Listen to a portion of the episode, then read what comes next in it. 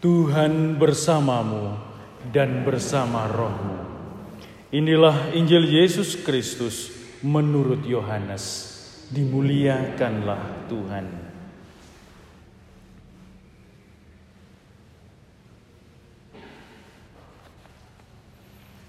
Hari Yesus wafat adalah hari persiapan Paskah, supaya pada hari Sabat mayat-mayat itu tidak tinggal tergantung pada kayu salib, sebab Sabat itu adalah hari yang besar. Maka datanglah orang-orang Yahudi kepada Pilatus dan meminta kepadanya supaya kaki orang-orang yang disalibkan itu dipatahkan dan mayat-mayatnya diturunkan. Maka datanglah prajurit-prajurit lalu mematahkan kaki orang yang pertama dan kaki orang yang lain yang disalibkan bersama-sama dengan Yesus. Tetapi ketika mereka sampai kepada Yesus dan melihat bahwa ia telah mati, mereka tidak mematahkan kakinya. Tetapi salah seorang dari prajurit itu menikam lambung Yesus dengan tombak, dan segeralah mengalir darah serta air keluar. Dan orang yang melihat hal itu sendiri yang memberi kesaksian ini, dan kesaksiannya itu benar. Dan ia tahu bahwa ia mengatakan kebenaran supaya kamu percaya. Sebab hal itu terjadi supaya genaplah yang tertulis dalam kitab suci. Tidak ada tulangnya yang akan dipatahkan. Dan nas lain yang mengatakan mereka akan memandang dia yang telah mereka tikam.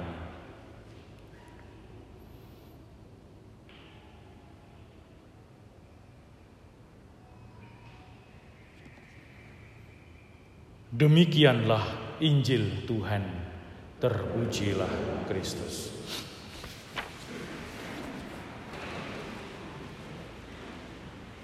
Bapak Ibu para saudara terkasih, kebanyakan kan dari jenengan semua pegang buku apa itu? Buku yang buku bacaan mingguan itu loh. Apa yang jenengan beli apa ganti kalau cetak 4000 itu yang tiap bulan bingung kalau mau beli lagi itu loh. Nah itu kan ada bacaan-bacaannya toh. Nah satu kali saya pernah ngalami itu lektornya ini yang membaca itu baru, baru pertama kali grogi. Ada kipas angin dari sana, sudah disiapkan sama kosternya, siap untuk bacaan hari itu. Kan pakai buku gede begini kan, bukan buku, buku kecil yang itu. Berubahlah halamannya. Loh, pertama dia bingung baca. Loh, kenapa ini kok beda? Dia nggak menemukan, dia baca apa yang ada. Karena umatnya itu pegang bukunya, ikut bolak-balik. Terus ngomong. Tidak lagi fokus pada bacaan yang dibaca, yang notabene kemarin, bacaan kemarin tuh. Karena karena bingung kan, jadi nggak coba bolak-balik. Itu bacaan kemarin. Kan bacaan kemarin, ya ini bacaan kemarin. Itu cuma kuyo aja Lupa untuk mendengarkan. Terus saya bilang kalau saya yang bisa saya bilang tutup bukunya itu yang jenengan pegang itu dengarkan sabda Tuhan yang sedang dibacakan yang mungkin bagi kita salah keliru. Mungkin Tuhan mau agar kita mendengarkan kembali apa yang salah yang menurut kita itu tidak benar. Sejauh itulah kerahiman Tuhan.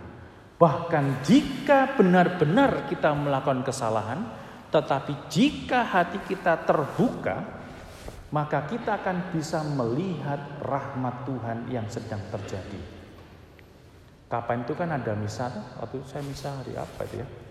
Ada anak yang pakai masker, mungkin rasanya dia kedinginan atau apa atau lagi flu. Trot, trot, trot, trot, trot, gitu. Lihat semua loh.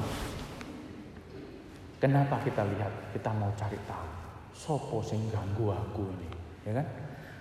Ada ibu-ibu yang bawa anak nangis gitu.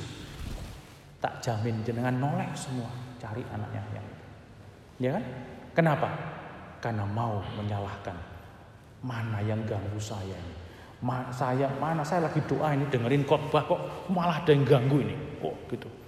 glodak gitu ya. Wah, pasti noleh semua. Rut, noleh semua. Romone sing ganteng iki wis ilang kabeh.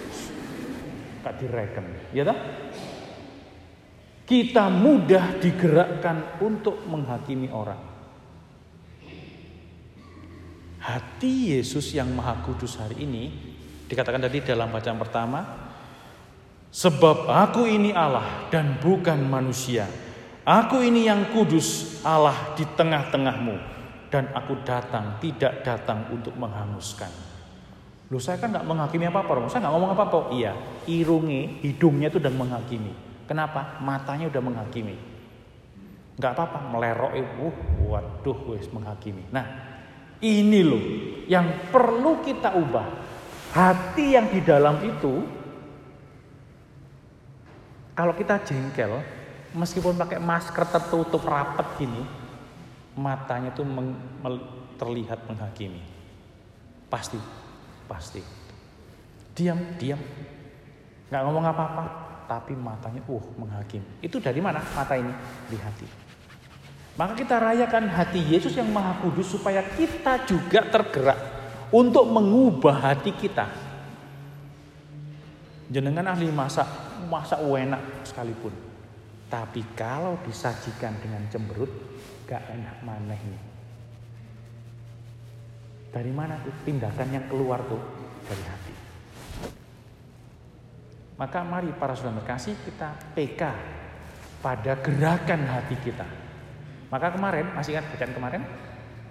Bagus sekali, pinter-pinter. Jika kamu sadar akan apa yang tidak baik yang ada dalam pikiran saudaramu, lalu tinggalkanlah persembahanmu di depan altar, berdamailah dahulu dengan saudaramu, setelah berdamai baru kembali. Perbaikilah hatimu, perbaikilah apa yang keluar dari hati itu.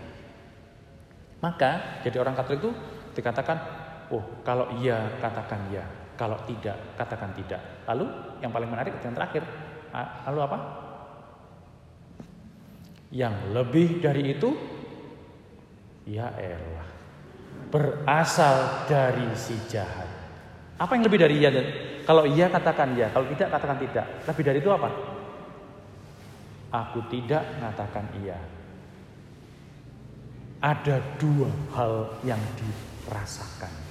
Jadi berpura-pura, berakting, main drama. Orang tidak lagi hidup otentik. Otentik itu keluar dari hati. Yang dibuat tidak lagi sungguh-sungguh. Membantu tapi ada agenda lain.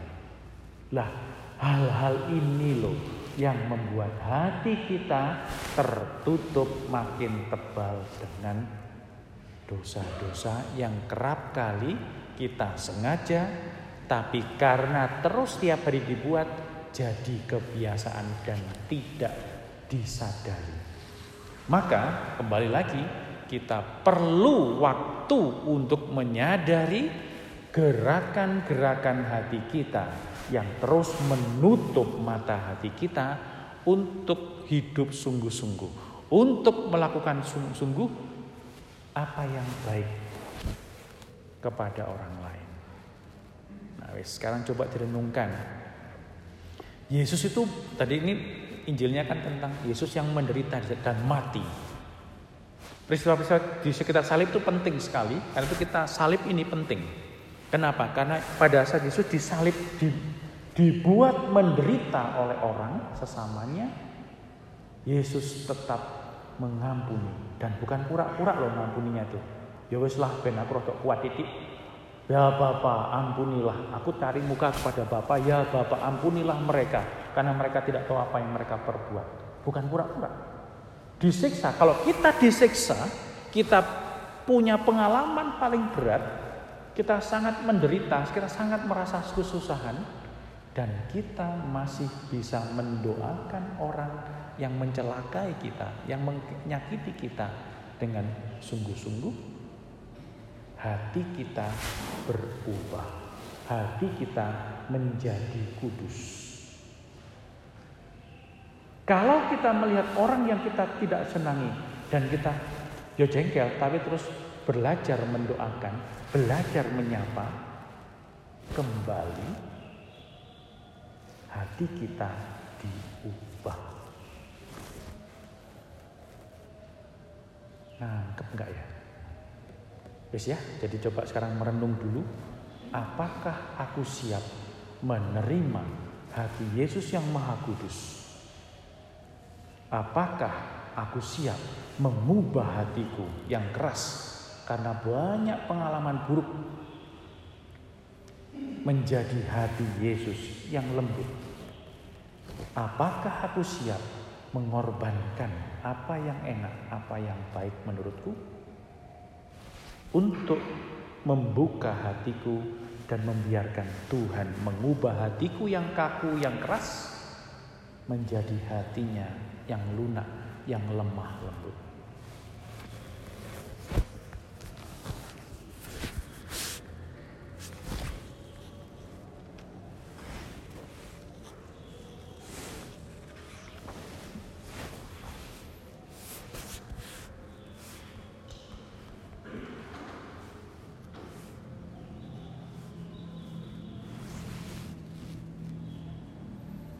Allah Bapa kami yang Maha Kasih, kami ingin bersyukur karena hatimu tidak seperti hati kami yang mudah keras karena pengalaman-pengalaman yang tidak kami inginkan.